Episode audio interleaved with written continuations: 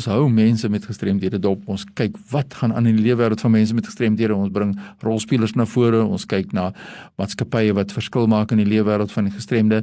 En ek het nou die voorreg om te gesels met Gerard Erasmus. Nou Gerard is betrokke by Edit Microsystems daar in Seepunt hier in Kaapstad en Gerard uh, spandeer baie baie tyd aan die lewenswêreld van ander mense met gestremdhede ook mense met sigverlies.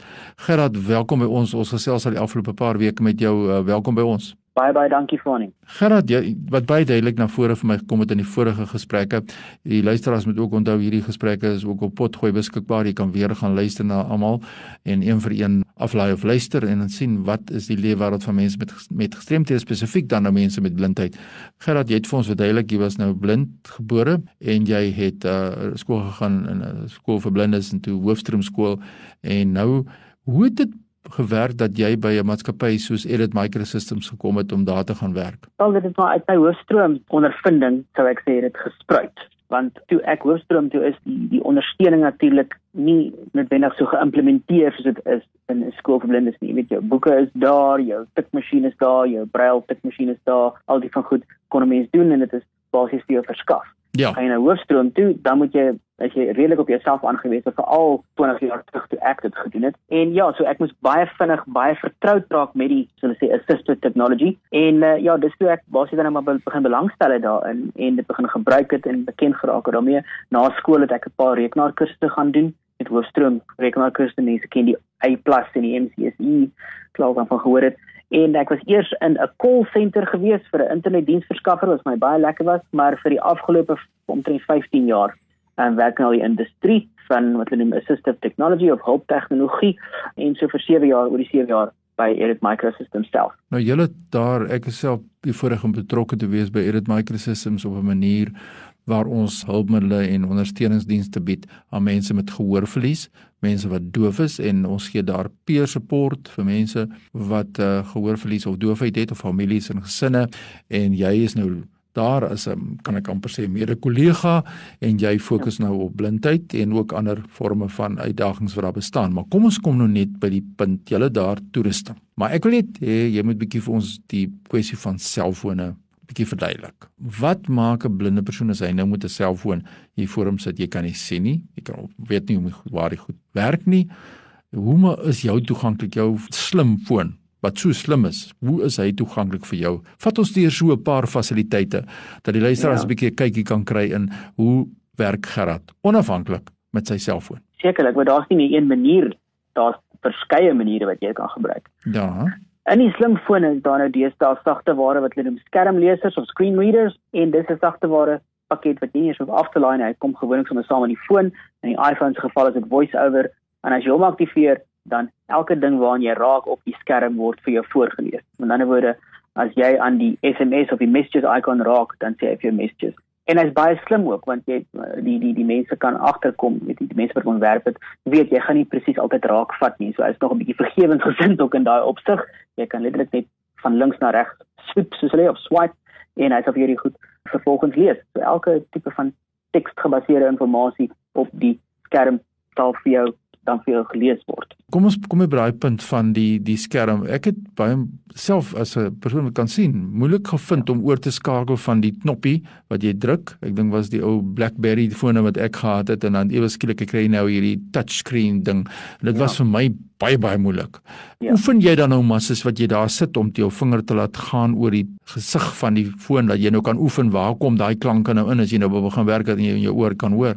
Ja, dit is versekerde aanpassing en sommige mense kry dit nie reg nie en ons kan nou by die ander maniere kom daaroor. Maar ja, dit is versekerde aanpassing. So ek sê as jy aan 'n as 'n persoon aan die ding vat jy vat een keer aan die aan die ikoon, dan word hy geaktiveer. Mm -hmm. By ons weet hulle jy gaan dalk 'n bietjie mistas. So hulle verstel hom sodat jy twee keer, jy moet double tap om 'n ding te aktiveer. Okay. So hulle dink daaraan. Daar's baie baie navorsing en werk gedoen om hierdie stelsel so maklik en eenvoudig as moontlik te maak. Net so jy jy hoef net effens reg te sweep en dan dan weet jy jy wil eintlik reg gaan jy weet effens links te sweep en jy weet hy dan weet jy wil links gaan en dan lees hy vir jou die icons in volgorde. Met dis WhatsApp en dan die volgende keer as jy weer reg gaan dan sê hy vir jou messages. En die volgende keer sê hy vir jou e-mail en daai tipe goed. En as jy gevind het wat jy wil hê dan double tap jy weer eens enige plek op die skerm. Hy aanvaar jy wil op daai laaste plek. So daar's baie baie dinkwerk en baie ontwerp gegaan in die masjien Maar hoor jy, hoor jy uh, want uh, nou die, die nou hard die klank en as jy sit iets in se mense draai jy maar gewoonlik oorfone om om dit die klank dan nou te hoor. Nou die nuusterend is vir ander mense, nie, hoe werk julle? Ja, jy kan oorfone dra of jy kan nou half onseremonieel net die foon by jou oor hou as jy wil en as mens nou net haastig is en jy het nie plek vir al die oorfone in jou sakkie nou, kom sommer by my oor wie die luidspreker onder is dan nou al deesdae baie baie helder en so. Maar ja, dit is 'n probleem in klaar is mense. Sê daar's ander maniere om die masjiene ook te gebruik. Deesdae is ook net die braille display waarvan ek gepraat het vroeër wat jy koppel aan jou foon via Bluetooth en alles wat die foon vir jou sou gelees het of jou sou vertoon het, sal dan word vir jou gewys in braille en daar's geraas moeilikheid op die einde. Want ek het 'n braille display wat ek oor my skouer hang. Hy kan baie kompak wees, jy kan hom teen jou stak sit en jy kan die hele foon beheer. Dit is 'n speelbord en dan nou die display. So wat ook al teksgewys op die skerm verskyn word jy gewys in braille. Dan is geraas nie meer 'n faktor nie. Gerard, ek wil in volgende week se program met jou gesels oor hierdie ding. Sit ek het nou verstaan die foon is hier voor jou. Jy ja. koppel hom aan jou selfoon. En nou die ja. hele keyboard en alles wat jy daar, maar onder daardie ding kom daai knoppietjies uit soos wat jy goed so in steede van die ding te sê, dan spring ja. die pennetjies nou uit en jy lees dit fisies fisies in stilte lees jy dan soos jy sê sonder die klank te hoor kom hierdie pennetjies so dit is uiters belangrik al het jy die hoogste tegnologie het jy nog steeds die geletterdheid nodig van die braille om dan hierdie uh, keyboard met hierdie braille knoppies dan te kan lees soos wat dit uitkom wanneer die uh, klank dan nou so verskyn het is dit korrek as ek dit so sê heeltemal reg. Ja. OK. Gerard, volgende week dan gesels ons verder want ek wil nog so baie tegnologie uitkom. Ek dis so interessant hoe 'n blinde persoon onafhanklik 'n selfoon kan gebruik, het sy dit te luister of dan nou hierdie braille wat dan uitkom en dit is fantasties van tyd. As daar mense is wat belangstel om jou te kontak by Edit Microsystems waar jy werksaam is in hierdie afdeling, gee vir ons net die kontak besonderhede deur vir ons Kobai sê. Baie dankie Fanny, my nommer natuurlik is 082 966 9132.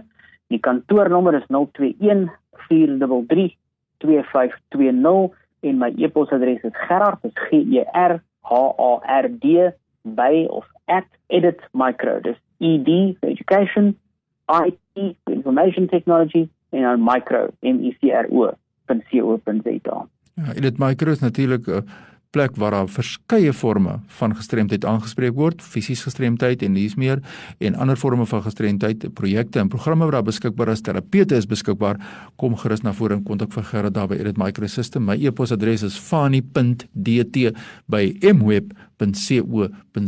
Ons gesels volgende week verder met Gerard. Baie dankie.